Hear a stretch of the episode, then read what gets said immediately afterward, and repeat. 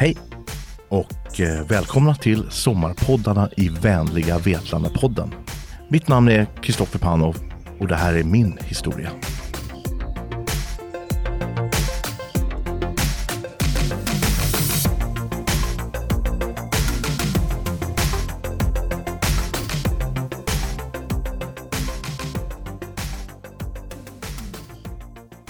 En man född i de småländska skogarna av en svensk mamma och en bulgarisk cirkusartist.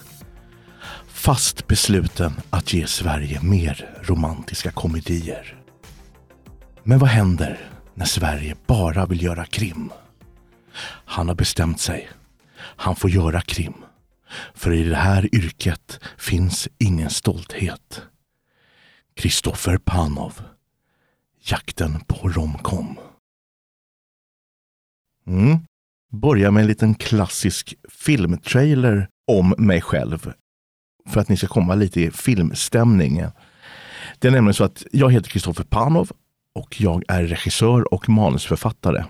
Eh, jag har hållit på med det här yrket i snart 23 år. Ett yrke som är sjukt roligt men också väldigt osäkert.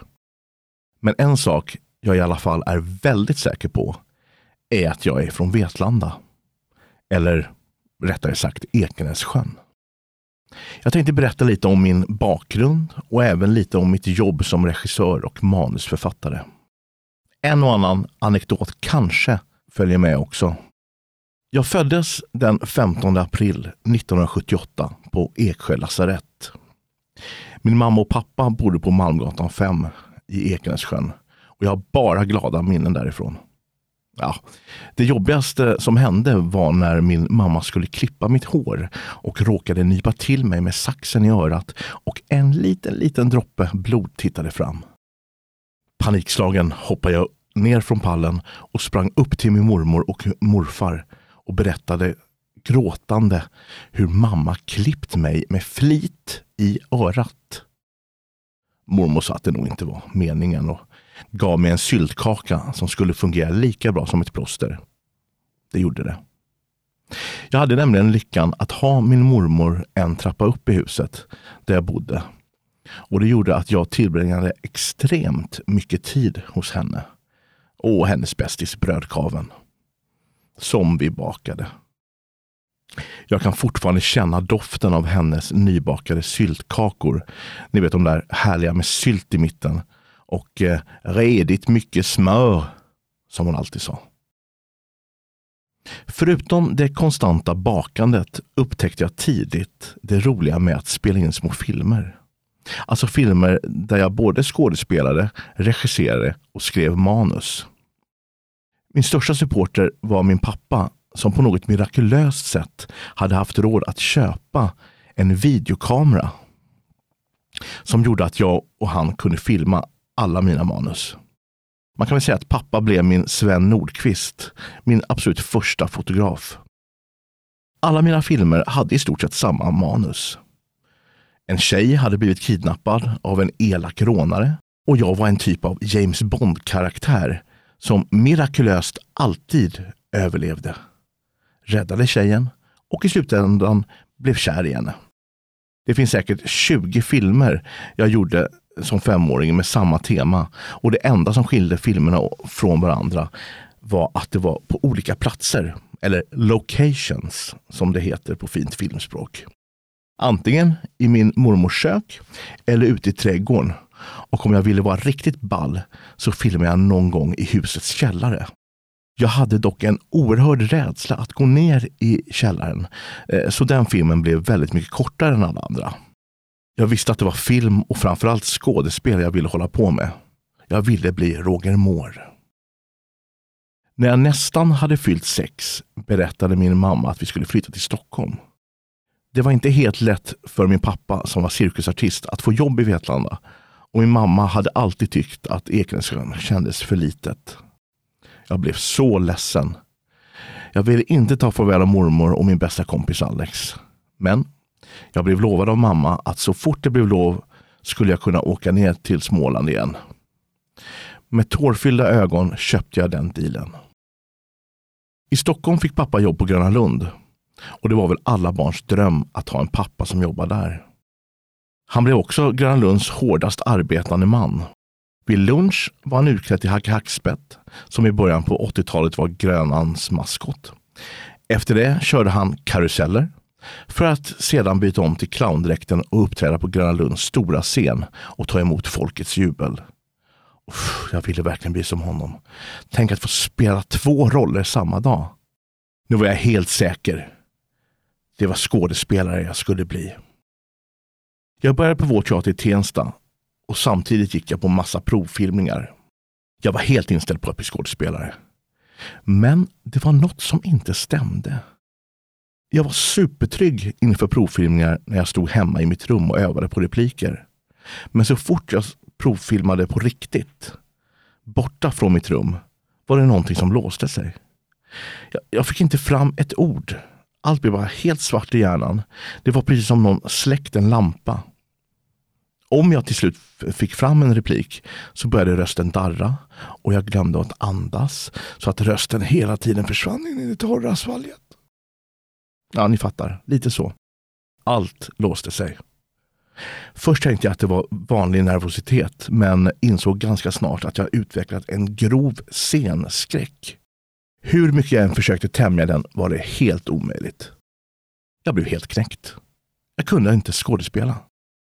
Som om det inte räckte så tyckte mina kompisar i Vetlanda när jag hälsade på att jag hade börjat prata som en Kauti 08 och i Stockholm blev jag kallad för jävla skåning. På något mirakulöst sätt fick jag ändå en roll i en ny Bullen-serie. För er som är alldeles för unga kan jag berätta att Bullen var det enda ungdomsprogrammet man kunde titta på i början på 90-talet. Och alla tittade på det. Serien jag skulle spela in hette Svarta skallar och vita nätter. Min karaktär hette Gulan och var en tuff kille som var med i ett antirasistgäng och där vi slogs mot ett gäng hårdrockare som av någon outgrundlig anledning alla var rasister. Den typen av film eller tv-serie hade ju aldrig gått att visa idag, för den var så otroligt schablonmässig och fördomsfull. Det handlade om en kille och en tjej, där tjejen var invandrare och killen var svensk. De blev kära i varandra, men fick inte bli tillsammans på grund av att hon var invandrare och han var svensk. En dålig Romeo och Julia historia typ. Men jag fick det stora nöjet att få jobba med skådespelare som Mikael Persbrandt och Kjell Bergqvist. Och framförallt Kjell Bergqvist var ju min stora idol. Och han visade sig vara exakt så där trevlig som han bara hade varit i fantasin på mig. Jag iakttog honom så mycket jag bara kunde. Inte bara det att Kjell Bergqvist har världens bästa timing i repliken, Sättet han var mot människorna omkring sig. Så fort han kom på morgonen gick han fram till alla i hela teamet och tog dem i hand, snackade lite och hoppades att de skulle få en trevlig dag. Han gjorde inte skillnad på folk och folk. Det spelade liksom ingen roll vilken position personen hade. Han gav ansvariga för fikabordet lika mycket uppmärksamhet som regissören. Han gjorde det alla borde göra när man kommer till jobbet. Sprida en god stämning. För alla vet ju att mår människor bra och känner sig sedda så vill man bara vara sitt bästa.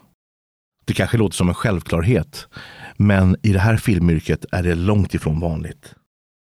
Historierna jag skulle kunna berätta om hur alldeles för många skådespelare är på inspelningsplats skulle förmodligen få er att tappa respekten för en hel del av våra största. Låt mig därför berätta en historia jag var med om för några år sedan när jag gjorde en fake-dokumentär om Linus Wahlgren som hette Scener ur ett kändisskap. Har du inte hört talas om filmen? Ja, det är lugnt. Den sågs bara av 300 personer totalt på bio, så du är förmodligen inte ensam. Men om du känner till den och har sett den så har du min livslånga respekt. Hur som helst, i filmen spelar alla skådespelare nidbilder av sig själva och själva historien gick ut på att Linus Wahlgren skulle bli kompis med Jonas Malmsjö.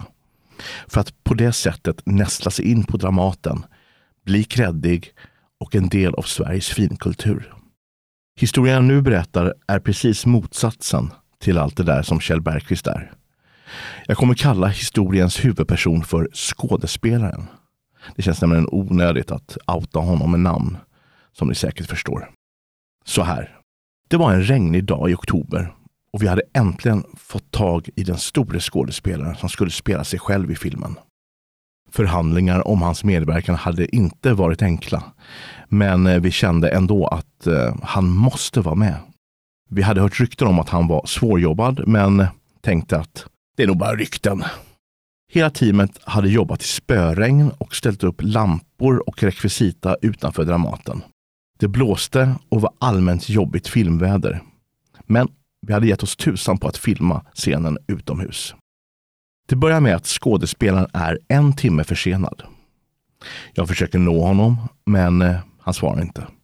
Nej, det är bara att vänta.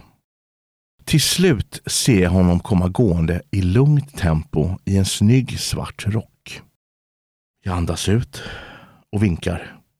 Han ignorerar mig. Han går rakt igenom inspelningsplatsen utan att hälsa på någon. Han går raka vägen in på Dramaten. Jag ropar att eh, vi, vi, är redo för tagning. Men han svarar inte. Jag försöker ursäkta hans beteende till teamet eh, med att han förmodligen är sjukt koncentrerad inför scenen han snart ska filma. Få tror på mig. Efter ytterligare en halvtimme får jag ett sms där skådespelaren skriver jag vill ha möte i min loge med dig. Nu. Punkt. Jag hastar mig in på Dramaten, upp till skådespelarens loge och knackar på. Stig på. Jag öppnar dörren och möts av skådespelaren som står i en vit uppknäppt skjorta och stretchar med ryggen mot mig. Jag tror inte jag vill jobba idag, säger han. Nej, nej va, va, eh, vad då, då? frågar jag. Jag tycker inte om min roll. Du spelar ju dig själv, tänkte jag, men det sa jag inte. På något sätt övertalar jag honom att vi måste filma och att hela teamet står och väntar. Ja, ja, ja. Vad ska jag ha på mig? Eh, ha, ha på dig din svarta rock. Ja, jag har ingen svart rock, säger han då. Jo, den, den, den du kom i, svarar jag. Svart rock? V vad pratar du om? Du hade ju på dig en svart rock när du kom hit, försöker jag igen, samtidigt som jag tittar mig omkring i låsen för att hitta den förbannade rocken. Men jag ser den inte. Den är borta. Jag har aldrig haft en svart rock, Kristoffer. Okej, okay, säger jag. Då, då, då har du på den där vita skjortan du har, du har på dig nu. Som du vill. Var eh, filmar vi scenen? Eh, utanför Dramaten tänkte jag. Eh, alla står och är redo, alla lampor är på plats och han avbryter. Utomhus? Är du inte klok? Vet du hur kallt det är där ute? Eh, jo, precis. Det, det var därför jag tänkte att, att den här rocken, eh, sluta tjata om något som inte finns. Nu gör vi så här. Vi filmar inomhus. Nu, nu gör vi bara så. Jag inser att ska vi få någonting filmat idag så är det här den enda chansen. Eh, Okej, okay. då flyttar vi in allting då, säger jag. När är du klar tror du? Du, jag har varit klar ett tag, svarar han. Okej, okay. eh, men eh, kom, kom ner om 30 minuter då, så eh, jag, jag, tror vi kommer behöva en halvtimme för att för att flytta in all utrustning. Eh, ja, skynda dig, jag har inte hela dagen på mig, svarar han när jag går ut. Jag får hela teamet att packa ihop all utrustning, flytta in det och ljussätta om för att göra scenen inomhus nu. Teamets glada humör är förståeligt bortblåst. 40 minuter senare kommer skådespelaren ner. I sin svarta rock. Jag exploderar inombords, men eh, behåller lugnet när jag frågar. Jaha, du, du, du hade en svart rock? Han tittar på mig och svarar lugnt. Ja, du ville att jag skulle ha den svarta rocken. Då visste jag att det här skulle bli en lång, riktigt lång inspelningsdag. Efter gymnasiet kom jag in på Kulturamas filmlinje. Min scenskräck hade inte gett med sig, så min teaterlärare föreslog att jag skulle testa på regiyrket. Då fick jag ju nästan skådespela, men istället tala om för andra hur de skulle skådespela. Det är ju det bästa rådet jag har fått i alla fall. Jag älskar ju mitt jobb som regissör, även om man alltför ofta möter riktiga rövhattar som skådespelaren jag just berättade om. På Kulturamas filmlinje mötte jag min parhäst Christian Eklöf. En punkare från Linköping som kallade mig för Råttan för att han inte kom ihåg mitt namn. Jag bad till Gud att jag aldrig skulle hamna i samma grupp som honom. Men såklart så blev det vi som fick jobba ihop. Vi insåg snabbt att vi båda delade kärleken till Hollywoodfilmen och romcoms framför allt. Och sedan dess har vi jobbat mer eller mindre alltid. Men det var också kärleken till Kjelle Bergqvist som förenade oss. Och när vi skulle göra vår första kortfilm skrev vi den åt Kjell Bergqvist. Det fanns bara ett problem. Hur skulle två filmstudenter få tag i Sveriges populäraste skådespelare? Det var då jag kom ihåg att jag hade en gammal telefonlista från Bullentiden liggandes i källaren. Och tro det eller ej, där stod Kjelles nummer. Med skakig hand slog jag hans nummer och han svarade. Jag berättade att vi hade skrivit ett manus åt honom och om han tackade nej så skulle vi inte kunna göra filmen. Det blev tyst i luren och sen sa han på klassiskt Bergqvist-manér. Jaha du, då har jag inte så mycket alternativ. Eller hur? Jag vill inte förstöra för er. och så tackade han ja. Sen dess har jag årlig kontakt med honom och har ibland kallat honom för min mentor. Det var även på Kulturama vi gjorde kortfilmen Hundtricket. Idén till filmen fick min kollega Christian på väg till skolan då han såg en kille stå med en liten hundvalp på tunnelbanan och tjejerna flockades runt honom och han berättade för mig att det där är det bästa brudmagneten någonsin. Kan vi inte göra en film om en kille som använde sig av eh, hundtricket? Ja, resten känner ni säkert till. I övrigt så var det faktiskt Josefin Bornebusch som rollsatte nästan hela hundtricket. Hennes moster hette Claudia Galli och även hon var ju med i Svarta skallar i vita nätter. Ni vet den där dåliga tv-serien jag var med i. I den spelade hon min flickvän. Vi hade behållit kontakten efter inspelningen och jag tänkte först erbjuda henne rollen som Mia i Hundtricket. Jag kommer inte ihåg exakt varför, men hon kunde inte filma eh, just då. Men rekommenderade Josefin Bornebusch som var hennes systersdotter. Josefin Bornebusch hade börjat sin karriär som skådespelare i Rederiet och där jobbat tillsammans med Linus Wahlgren. Hon sa ja och tog med sig Linus för att spela kärlekskranke Simon. Och just det, sa hon. Jag spelar in en annan film också med en kille som heter Alexander Skarsgård. Eh, skulle han kunna spela Robinson-Micke kanske? sa hon. Sagt och gjort. Josefin styrde upp både Linus Wahlgren och Alexander Skarsgård. Jag hade på Kulturama hört att man skulle inte tro att bara för att man har gått på filmskola skulle få göra riktig film direkt. Nej, nej, nej, nej, nej, nej. Man skulle först koka kaffe i flera år. Sen kanske man fick bli chaufför åt en skådespelare. Sen kanske man skulle få bli någon assistent. Och sen, med största sannolikhet, kanske man skulle få göra en kortfilm. Jag var väl förberedd på att kämpa ett bra tag alltså, innan man fick göra en riktig film. Men vi hade sån otrolig tur. För när vi visade upp Hundtricket, kortfilmen, eh, som var vår examensfilm på Kulturama, så satt det en producent i publiken. Peter Kropenen hette han. Han hade producerat filmer som P. Sista sommaren, Harry Lund lägger näsan i blöt, Svart Lucia och Vingar av glas. Han såg hundtricket och sa Den här vill jag göra långfilm av. Ett år senare står jag på inspelningen i Luleå och gör min första långfilm som blev hundtricket The Movie. När jag hade slutfört filmen fick jag äran att ha smygpremiären på Sagabiografen i Vetlanda. Det här är ett av mina absolut största och stoltaste stunder i livet. Tänk att få komma hem till sin hemstad och visa upp sin debutfilm. Det enda som var tråkigt var att min älskade mormor inte fick vara med på premiären. Hon hade gått bort ett halvår tidigare.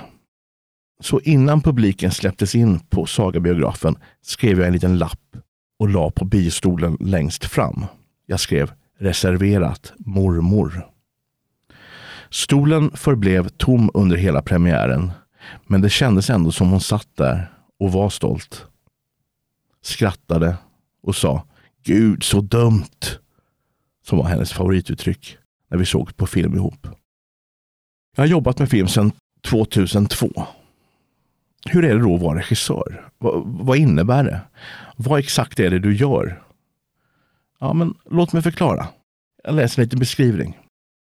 En regissör står för det konstnärliga och är även arbetsledaren för filmprojektet. För att göra en film krävs stark vilja och förmåga att kommunicera egna idéer till teamet och skådespelaren i en produktion. Du ska också kunna visualisera dina visioner med bilder. Regissören kan antingen ha skrivit manuset själv eller så har du fått ett manus du har gått igång på. Du har alltid nära kontakt med författaren och ni diskuterar hur du tänkt genomföra projektet. Här är det viktigt att du och manusförfattaren pratar samma språk. Alltså att ni har respekt för varandras begåvning och att ni kommer överens om hur filmen i slutändan ska bli. Känner du det minsta tvivel att ni inte pratar samma språk, gå därifrån. En ömsesidig respekt måste finnas. Finns inte den så kommer det uppstå massa problem under inspelningen. Jag gjorde ett projekt för några år sedan eh, där jag gjorde precis det där misstaget. Och själva inspelningen blev en mardröm. Jag ville göra en sak och manusförfattaren en annan.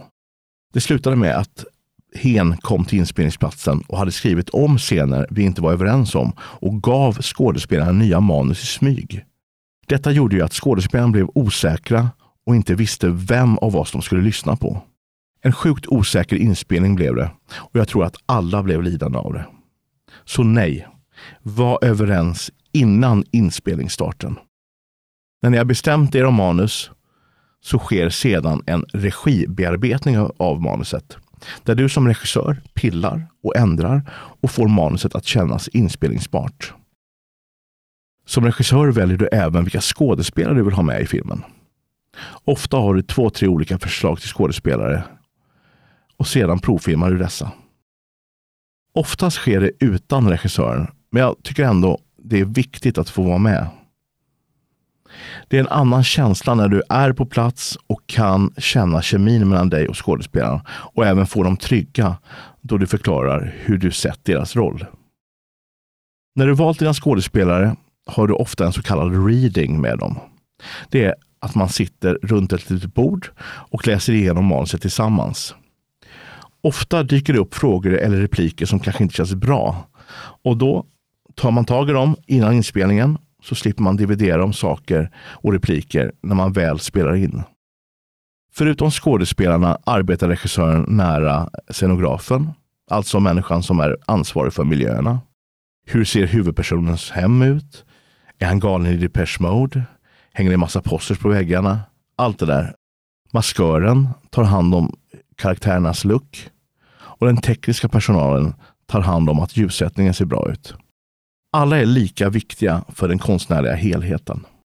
Det är också regissören som har det övergripande konstnärliga ansvaret för filmen och den som måste se till att alla medverkande tar ansvar för sin uppgift. Efter hundtricket var jag arbetslös i nästan åtta år.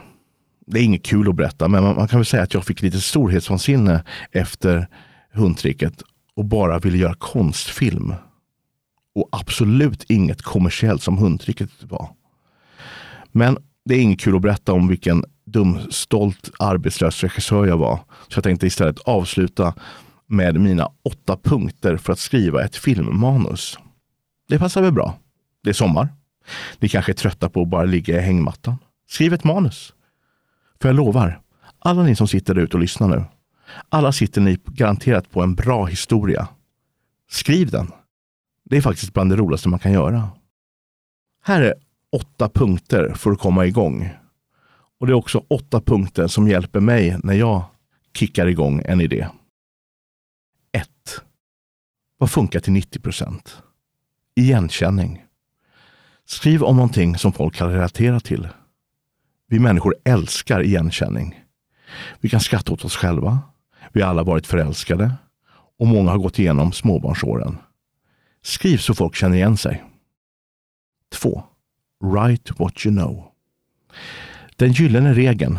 Utgå från vad du vet, kan, ha upplevt. Om du själv kan relatera till historien så kan du alltid stå upp för den. Ett klassiskt misstag när man skriver manus är att man vill för mycket. Man vill skriva om någonting spännande som folk ska bli fascinerade av. Det är väl bra. Eh, men eh, har du ärligt talat någon aning om hur det är att resa till månen? Nej, inte riktigt va? Då är det garanterat bättre att skriva om något du verkligen känner till.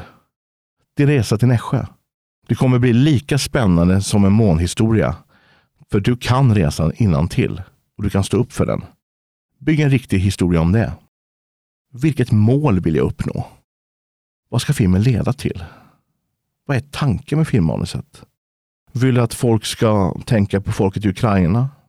Vill du bara underhålla? Vad vill du med den? Ha tanken i bakhuvudet när du skriver. 4. Infångare. Hitta en infångare som gör det omöjligt att inte bry sig. Och när jag säger infångare så menar jag en liten mening som beskriver hela din filmidé. Tv-serien Breaking Bad har följande infångare. Kemilärare börjar tillverka crack för att försörja sin familj. Det blir genast någonting som man vill höra mer om. Och Det är alltid bra att ha en mening om din film som får folk att bli intresserade. Skriv upp ett gäng och välj den bästa. Punkt 5. Tjuvlyssningen. Tjuvlyssna på folk. Iaktta människor. Och skriv ner sakerna du hör. Ibland kan ett bråk som du ser på bussen bli en jättebra historia. Och ibland när du skriver manus så fastnar du i din egen berättelse och skulle verkligen behöva, ah, den här scenen skulle jag ha, men jag har ingen inspiration. Då tar du bara fram din svarta bok. Hörde inte jag en rolig diskussion på bussen hit? Ja, den scenen skriver jag här. Ni som har sett Hundtricket känner säkert till den så kallade byxscenen. Den kommer just från en sån tjuvlyssningsgrej. Det var nämligen så att jag plötsligt en dag skulle besöka min eh, familj. Och när jag kommer hem till dem och ska sätta mig i soffan så säger plötsligt min pappa till mig att ta, ta av dig byxorna. Och jag säger, men vad pratar du om? Ta av dig byxorna. Du kom väl hit i tunnelbanan eller? Ja, precis. Ja, men då, då, då, då har du liksom massa skräp i dina byxor som när du sätter det kommer liksom lämna dina byxor och komma till min soffa. Jag vill inte att du sitter med smutsiga jeans i min soffa. Sagt och gjort.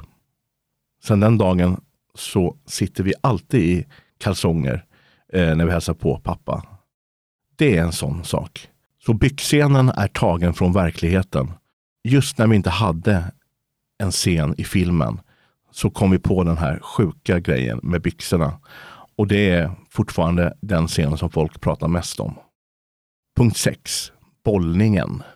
Bolla dina idéer med folk som du litar på. Men även folk som du inte har samma smak som. Ibland kan din värsta kritiker ge dig de bästa tipsen. Så bolla med både din bästis och din icke-bästis.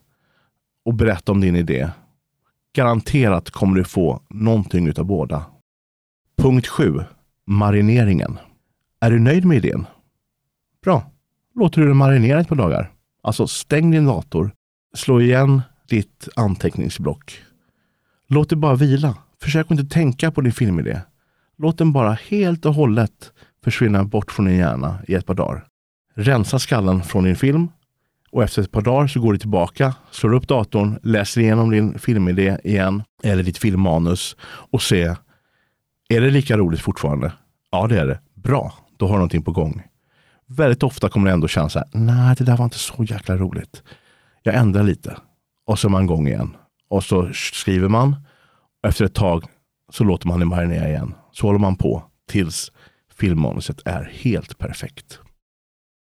Punkt nummer åtta. Skådespelaren. Föreställ dig vilken skådespelare du skulle vilja ha i huvudrollen till din film. Det gör det mycket enklare att skriva karaktärer och du kan nästan höra skådespelaren säga dina repliker. Det blir mycket enklare. Låt också fantasin flöda helt. Vill du ha en amerikansk skådis i huvudrollen? Ja, men använd det då. Ingenting är för galet när man skriver manus. Så där. Testa. Skriv din historia. Vem vet? En dag kanske vi jobbar ihop. Du skriver, jag regisserar. Eller så sitter vi bara och äter världens bästa kebabpizza från Vetlanda. Eh, för ni vet väl det? Att Vetlanda har den bästa kebabpizzan. Va- varför är det så? Nej, vet ni vad? Det får bli en, en annan sommarpodd. Ha nu en riktigt skön sommar. Tack snälla för att ni har lyssnat. Nu ska jag åka till ICA Maxi. Och sen blir det kebabpizza med familjen. Ja, så får det bli. Glad sommar! Du har lyssnat på Sommarpoddarna i vänliga Vetlanda-podden. En poddproduktion av Vetlanda kommun.